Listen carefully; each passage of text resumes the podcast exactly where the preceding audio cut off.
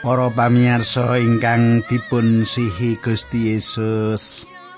Pinanggi malih kalian kula pendeta pujianto kula badhe sesarengan kalian panjenengan wonten ing salebetipun adicara margi utami. Hati cara ingkang sampun panjenengan antos-antos lan ingkang panjenengan dadosaken sarana binerkahan dening Gusti. Kados pundi pawartos panjenengan para pamirsa? Menapa panjenengan wonten ing kahanan ingkang bingas samenika inggih pandonga kula kados makaten. Panjenengan tangsa pinaringan karahayon kamulyan kabejan wonten ing gesang panjenengan. Tumra panjenengan ingkang nembe kemawon mirengaken adicara menika, ih iki kok ana sing jenenge pendeta pujian iki ngopo iki? Nggih, tak rungokne dhisik. Nggih, monggo. Kula sukani pirsa pilih adicara menika satunggalipun adicara ingkang nderekaken panjenengan sinau kayektosan pangandikanipun Gusti saking kitab-kitab ing kitab suci menika. Saking purwaning dumadi ngantos wahyu lah samenika sampun dumugi kalih Korinto wolu. Kalau kepengker kalih Korinto pitu bab pitu sampun rampung samenika kalih Korinto wolu ayatipun setunggal ngantos pitu mangke badhe kita wow sesarengan makaten nggih. Nah, para pamirsa monggo lenggah ingkang sekeca awit menawi midhangetaken ing mriki ora kena mloka mlaku. Nek disambi mloka mlaku nyakepe nggih ora kabeh nggih. Makaten sugeng midhangetaken adicara menika.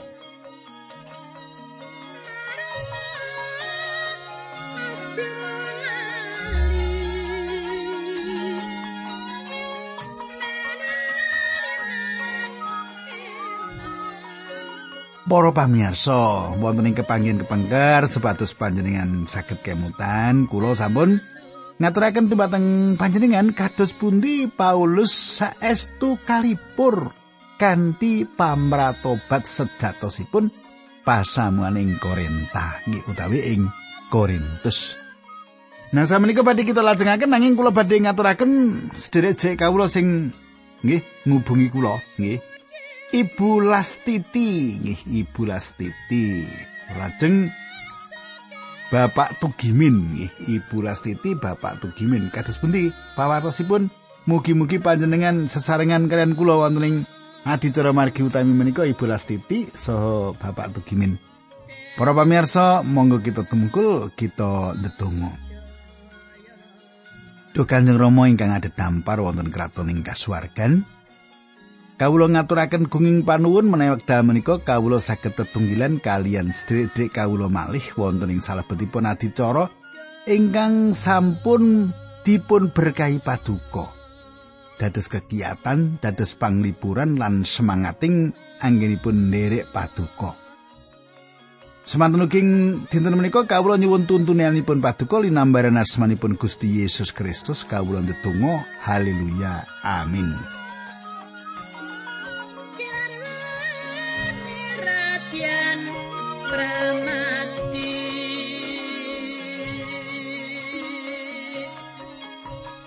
Para pamirsa kados singkang kula aturaken pepanggihan kala wau.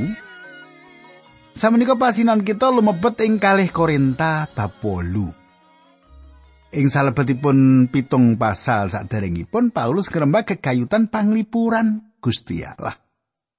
Kulo yakin perkawis menika nyukani panglipuran lan kegiatan dumateng panjenengan awit Panjenengan mangertos bilih panjenengan panci gadah kegiatan lan panglipuran ing salebetipun gesang kekristenan panjenengan. Ing pasal menika Paulus ngrembak bab anggenipun nglempakaken arta sumbangan kangge sinten? Kangge tiang-tiang suci ingkang wonten ing Yerusalem. Pirembakan menika gentos, gentos salin. Inggih menika saking pirembakan babagan lampah gesang Kristen dados dono weweh utawi pisungsung sesaosan Kristen. Lan paweweh Kristen menika ugi sami pentingipun kabanding kalian lampah gesang Kristen. Nah, perangan menika ingkang kalebet pasal 8 lan 9 dipun perang dados makaten. Jupi panjenengan sama. Sepindah contoh paweweh Kristen menika saged panjenengan waos bab 8 ayat setunggal ngantos 6. Kaping kalih Pitutur gegayutan paweweh Kristen menika saged panjenengan waos pasal 8 ayat pitu ngantos gang 11. Kaping 3 keterangan gegayutan paweweh Kristen menika saged panjenengan waos pasal 8 ayat 16 ngantos songo ayat 5. Kaping sekawan paweweh ingkang dipun kudoaken menika pasal songo ayat 6 ngantos gang 11. Cetha nggih? Kadang kula kalih pasal menika nyukani perangan ingkang jembar piyambak lan ugi jangkep ing babakan paweweh utawi sesausan Kristen ingkang wonten ing kitab suci. Mboten wonten aturan ing mriki nanging ingkang wonten inggih menika watonan-watonan ingkang cetha gegayutan paweweh menika utawi sesausan menika. Saketuki manut panjenengan perkais menika mboten limprah. Saketuki wonten ingkang sanjang. Hmm, manut aku iki tak ngene toh. Kita lak mung perlu bayar sak pro sepuluh wae, liya-liyane ora perlu. Sanes, sanes menika aturanipun. Sanes, sanes menika aturanipun. Saged ugi menika satunggal watonan ingkang panjenengan badhe trapaken. Nanging sanes aturan kangge sinten kemawon ing jaman samenika. Tembung ingkang penting ing perangan menika inggih menika sih rahmat. ing salebetipun pasal menika tembung sih rahmat ngantos kaping pitu dipun serat. Kaping tiga ing pasal songo, kaping sedoso ing pasal kalih. Pokok pirembakanipun inggih menika sih rahmat ing salebetipun paweweh utawi sesausan pisungsung. Samenika kita wiwiti ayat setunggal, mangke kula terusaken terusaken terusaken ngantos ayat pitu nggih. Sadulur sadulur aku padha aweh weruh marang kowe bab sih rahmat kang kaparingake marang pesamuan-pesamuan ing tanah Makedonia. Katang kula. Monggo kita sinau tembung sih rahmat. Kita manggihaken tembung menika ing ayat setunggal. Kita manggihaken malih ing ayat kaping sekawan. Sarto met metu saka prentuling atine dhewe padha njaluk kanthi banget. Marang aku supaya ndak olehke melu ing ayahan ngladeni marang para suci. Menika menawi kita nyemak ayat kaping sekawan bab itu nggih. Teges ingkang sayektosipun saking tembung jaluk ing mriki nggih menika saking tembung sih rahmat. Basa sanesipun kajarwaken sarta metu saka prentuling atine dhewe padha njaluk kanthi banget marang aku supaya aku kabeh menehi sih rahmat lan patunggalan ing sajroning lelati wong-wong suci. Tembung menika saged dipun waos malih ing ayat 6. Awit saka iku aku ngatak marang Titus supaya nekani kowe lan ngrampungake ayahan katresnan kang biyen wis diwiwiti iku. Panjenengan gatosaken ing mriki. Paulus nyebat sih rahmat ing salebetipun sesausan paweweh. Dono weweh. Inggih menika sih rahmat inggih menika ingkang dipunatur dening Sang Roh Allah. Paulus nyerat dumateng pesaman ing Korintus lan nyekani mangertos pesawan Korintus bilih tiang-tiang Makedonia gadah sih rahmat kados makaten menika. Lan Paulus gadah pengajeng-ajeng pesaman Korintus gadah sih rahmat ingkang sami. Ahli teologi nyukani pangertosan sih rahmat menika satunggalipun sih palimirmanipun Allah ingkang tanpa lelabetan.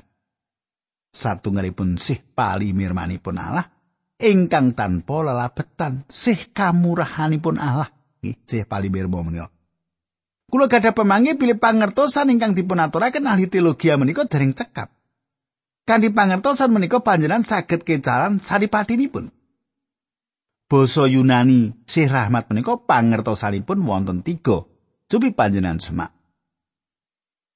Ingkang kapisan inggih menika kesainan. Ingkang kaping kalih keremenan. Kaping tiga luhur bebudenipun. Bangsa Yunani gadah pemanggih peladusan atas budayanipun lan bangsa Yunani gadah kekajengan nanemaken perkawis menika dumateng tiang sanes. Kadang kula Sang Roh Suci milih tembung menika. Nyukani kami suran enggal lan kamulyan enggal lan tiang-tiang ingkang damel tulisan Kristen ginakaken tembung menika. Paulus asring ginakaken samenika panjenengan gatosaken pangertosan ingkang salajengipun.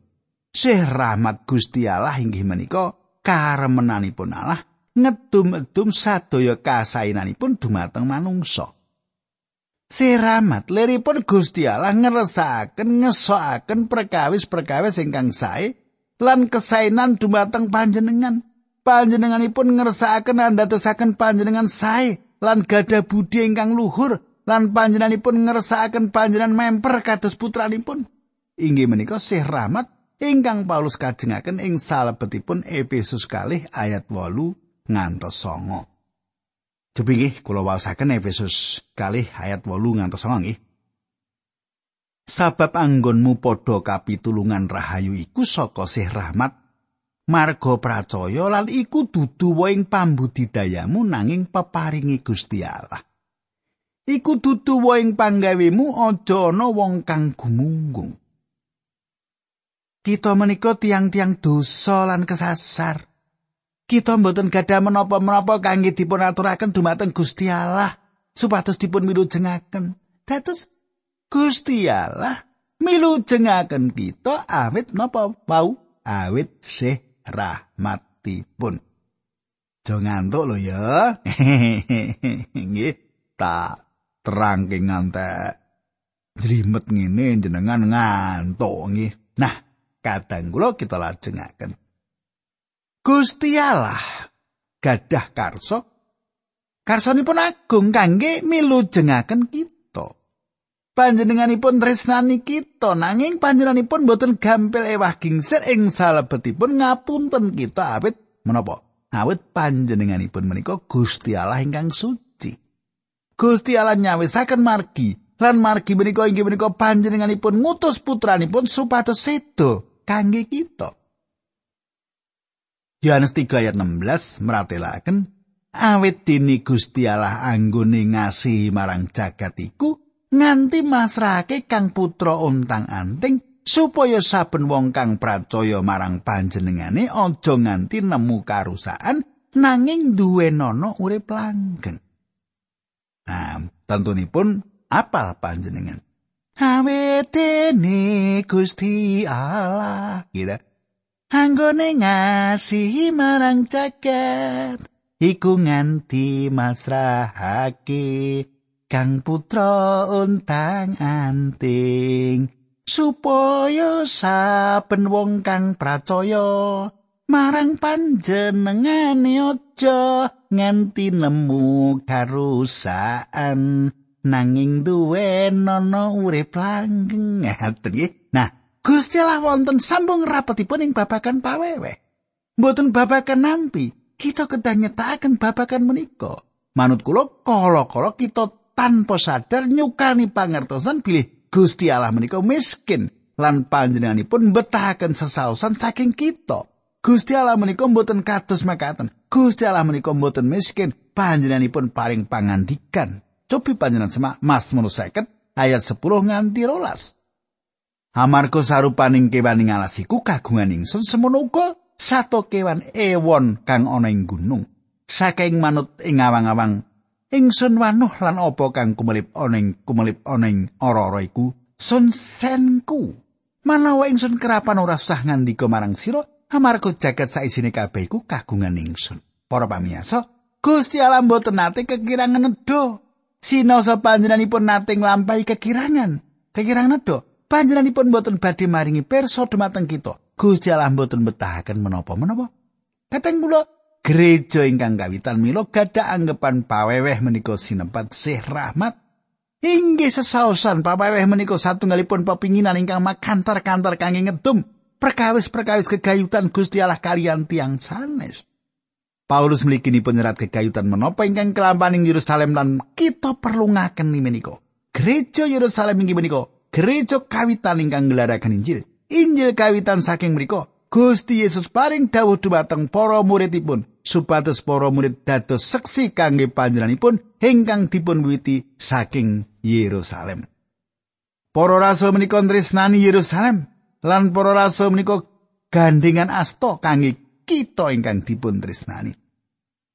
Ngantos panganingaya nempuh inggih menika panganiaya menika ingkang dados jalaran misahaken para rasul saking kita menika lan nyebar medal kita dhateng margi-margi ing Yudea lan Samaria lan tundhonipun ing pundi-pundi papaning bumi menika.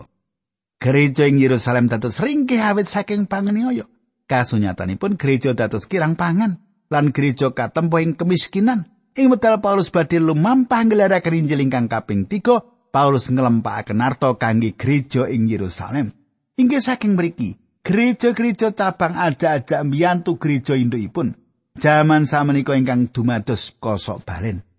Gereja asal dados misionari-misionari lan biayani para misionari menika ing papan peladosanipun. Nanging jaman Paulus pos-pos peladosan biayani gereja asal. Kateng kula, Paulus dereng saged dumugi ing Korintus. Ing salebetipun seratipun Paulus ngatak, ngatak, ngatak nopo? Ngatak supados tiang-tiang menika nyukani dono weweh. Awit Paulus gadah kekajengan kisah dateng Korintus. Paulus nyukani mangertos tiang-tiang mau pilih piyambakipun boten gadah kekajengan martos-martosaken babakan sumbangan utawi paweweh. Paulus mboten purun nelasaken wekdal namung ngrembak arto ing wekdal wonten ing mriku. Anggenipun nglempakaken arto menika kedah dipun tindakaken saderengipun lan ing wekdal Paulus dumugi wonten wekdal kangge Paulus mucalaken pangandikanipun Gusti dumateng pesamuan. Menapa ingkang dipun tindakaken Paulus menika sanget lelawanan kalian cara-cara ingkang dipun tindakaken jaman samenika. Biasanipun kula nampi undangan. gitu undangan. Ing undangan menika kula kapurih mimpin satunggalipun pepanggihan. Ing pepanggihan menika pisungsung lajeng dipun klempakaken. Nah, arta ingkang sampun dipun klempakaken menika kangge kula. Menawi ingkang dipun tindakaken Paulus menika saged dipun tindakaken samenika pramila pisungsung menika dipun klempakaken saderengipun para penginjil utawi abdi Gusti menika mucal. Kadang kula Kulo sampun nyukani gambaran dumateng panjenengan kegayutan kahanan ingkang dumados ing jaman semanten lan ugi jalaran-jalaran ingkang ngandhatesaken wonten dawuh-dawuh ing salebetipun serat kintunan menika. Menapa ingkang dumados sampun mlebet ing salebetipun sejarah nanging ingkang dipun pratelakaken Paulus ing mriki inggih menika watonan-watonan utawi prinsip-prinsip. Ing salebetipun ayat kawitan Paulus nyebataken tiang-tiang pitados Makedonia dados contoh ing salebetipun nyukani dono weweh. Secara Kristen, ugi menapa ingkang dipun tindakaken pesamuan Filipi. Ing salebetipun ayat kalih piyambakipun ndaftaraken menapa ingkang andadosaken malah ngaturaken dono weweh lan ugi kados pundi cara-cara nindakaken dono weweh menika. Samenika kalih Korintus 8 ayat kalih. awit sajroning tampa pacoban kang abot kang awujud kasangsaran mawarna-warna kabunganing luwihi lan senadan padha miskin banget ewa semono ngluberake kasugianing kamurahani Para pamirsa panjenengan katosaken bilih tiang-tiang Makedonia ngaturaken dono weweh wonten ing kahanan padha miskin. Tiang Makedonia mboten gadah bondo. Tiang Makedonia mboten nyukani saking kelangkunganipun. Tiang Makedonia atur dono weweh. awit saking kekiranganipun kula kuatos menawi kita mboten atur dono weweh sesausan kados mekaten menika ing medal menika ayat 3 lan sekawan sebab aku nyumurupi yen wong iku wis padha weweh manut kekuatane malah ngluwi kekuatane sarta metu saka prentuling atine dhewe padha njaluk kanthi banget marang aku supaya diolehake melu ing ayahan ngladeni marang para suci. Kadang kula. Menawi dipun jarwakaken ingkang pas inggih menika kanthi karilane dhewe wong Makedonia njaluk lan desek marang aku kabeh supaya wong-wong mau entuk sih rahmat. Dono weweh sesausan sumbangan ingkang tiang-tiang kalau klempaken inggih menika sih rahmat lan patunggilan ingkang liripun ngedum ingkang wonten kegayutanipun kalian Sang Kristus. Panjenengan lan kula boten ngrumaosi katresnan tiang-tiang Kristen jaman semanten antawisipun satunggalan sanesipun. kita ngrembak asil sosial ingkang dumados ing gereja jaman samenika. Kula kedangakeni bilih kita meh kecalan wawasan menika ing salabetipun gereja kita. Satunggalipun patrap ingkang bingahaken saged nyukani pisungsung kangge peladosan misi. Nanging menapa kita kedah nyupekaken tiang kathah ing salabetipun pesamuan kita ingkang sanget mbetahaken pisungsung kita? Kadang kula kathah ing antawisipun pesamuan ingkang boten kepengin kabetahanipun dipun mangertosi pesamuan sanes awit menawi ngantos dipun mangertosi tiang sanes badhe dados bahan pitenah ing gereja. Warga pesaman menika mboten purun nampi bantuan, awit warga menika rumaos bilih bantuan menika satunggalipun perkawis ingkang mirang-mirangaken. Jaman samenika kita sampun kecalan sih rahmat ingkang ngedapi-dapi ing salebetipun ngaturaken dono weweh menika. Samenika panjenengan gatosaken menapa ingkang dipun tindakaken dening tiang-tiang pitados Makedonia lelampahan menika mboten limrah. Ayat gangsa Dene kang padha dipasrahake iku ngluwi pangiraku awit nganti padha nyaosake awake dhewe marang Gusti Allah dhisik sebanjure ya marang aku kabeh uga awit saka kersane Gusti Allah katang kula Paulus meratelaken menika mboten satunggalipun perkawis ingkang dipun ajeng-ajeng Paulus ingkang kawitan pindah tiang-tiang kala masrahaken badanipun dumateng Gusti inggih menika lanesanipun kaping kalih Pungunipun tiang-tiang masrahaken badanipun dumateng pakaryanipun Sang Kristus sing papan menika. Tiang-tiang kalawa masrahaken badanipun dumateng Paulus sawit kersanipun Allah ingkang liripun tiang-tiang menika mbiyantu Paulus nggelaraken Injil. Wangsul ing serat Paulus dumateng pesaman Korintus ingkang kawitan piyambakipun nyerat bab patangen lan swarga semak pasal kang 11. Lan tiang-tiang badhe sanjang bab nglumpukake dono kang tumuju marang para suci iku padha tindakno manut pituduh-pituduh kang wis ndak wenehake marang pesaman-pesaman ing tanah Galatia. Setunggal Korintus 16 ayat tunggal. Para pamirsa, Paulus gedhe kekajengan ngandharaken kalian pesaman kekayutan perkawis ingkang gampil dipun tindakaken. Lan mriki Paulus nyukani mangertos pesaman inggih menika seratipun ingkang kaping kalih. Supados pesaman boten ngaturaken dono weweh kanthi sungkan. Tiang-tiang pitados Makedonia ngaturaken dono weweh kanthi kabunganing luwi lan senadan padha miskin banget. Satunggalipun kahanan ingkang saestu ngedapi-dapi. Gusti Allah kepareng dumateng tiang ingkang ngaturaken sesausan kanthi sukarno lan kita ningali gamblang sanget ing mriki inggih menika patunggilan tiang-tiang menika ngedumaken menapa ingkang dipun gadai katang kula Pesaman-pesaman menika sumbangan dumateng gereja saing Yerusalem kanthi samukas berkah kasukmanipun pesaman-pesaman menika sampun nampi Injil saking gereja asal. Samenika giliranipun pesaman-pesaman menika ngaturaken sumbangan dumateng gereja asal ingkang wonten ing kahanan ingkang awon. Ing salebetipun Galatia 6 ayat 6 Paulus nyerat lan wong kang nampani piwulanging pangandika iku mandumono samu barang kang kadar marang wong kang aweh piwulang iku. Para pamirsa menawi dipun gambelaken saged kajarwaken bayaran wong kang khotbah iku. Liripun panjenengan ketambiyantu pendamelan tiang ingkang sampun berkahi soro kasukman panjenengan. Wonten sedherek ingkang pikantuk berkah awit mirengaken adicara menika lajeng ngaturaken pisungsung. Sedherek-sedherek menika ngaturaken artanipun kanthi sukarno. Patrap ingkang kados makaten menika kedahipun dados peranganipun gesang tiang pitados. Sesaosan menika kedahipun dipun kanteni sukarno ingkang saestu. Kita mboten kenging ngaturaken pisungsung kanthi aras-arasen. Kapeksa utawi gadah pikiran panci kedahipun ngaturaken sesaosan. Kita kedah gadah niat piyambak ngaturaken pisungsung supados pangandikanipun Gusti saged nuntun ing kayektosan dumateng tiang sanes nggih nah para pamirsa panjenengan tasih kemutan ing wekdal Gusti Yesus jumeneng saking katepian ningali tiang-tiang kang ngaturaken pisungsung ing pedalaman suci lan manut kula panjenenganipun ing nindakaken ingkang kados makaten ing jaman samenika tiang-tiang ingkang sugih ngaturaken pisungsung kathah nanging rondo melarat mlebet lan namung ngaturaken kali igar. Gusti Yesus ngendika pilih rondo menika nyukani langkung kathah ketimbang tiang-tiang ingkang sanes. Markus kali ayat kawan dosos tunggal, kawan dosos kawan. Rondo menika ngaturaken saking kekiranganipun lan rondo menika ngaturaken sedaya ingkang dados gadahanipun. Menawi panjenengan ngukur gungungipun harta rondo menika para pamirsa dipun timbang kalian kesugihanipun pedalaman suci, Pramila arta rondo menika mboten wonten ajinipun menapa-menapa nanging Gusti Yesus maringi bobot saking Allah. Lukas likur ayat 3 ngantos sekawan. Banjur ngendika, aku pitutur marang kowe. Satemen kang dipisungsungake rondo miskin iku luwih akeh ketimbang wong kabeh iku. Amarga wong-wong iku ngaturake pisung saka kasugihane nanging rondo iki ngaturake saka ing kamiskinane.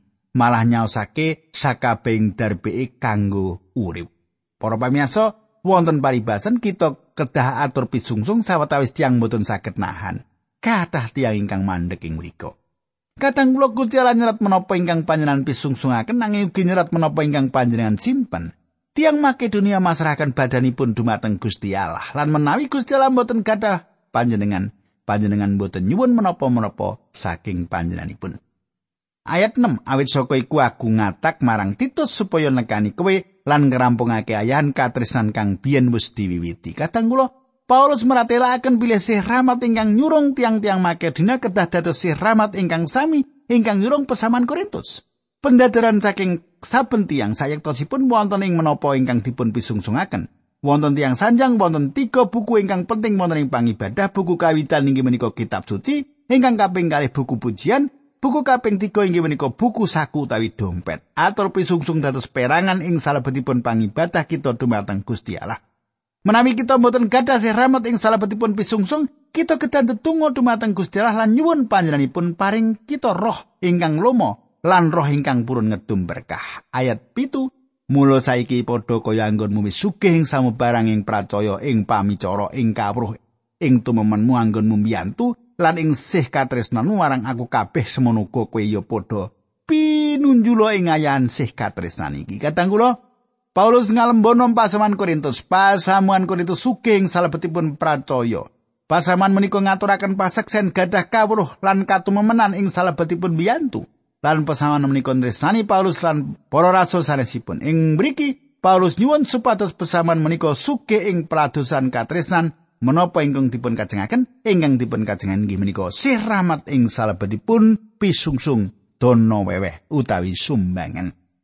Monggo kita tumungkul kita ndedonga sesarengan.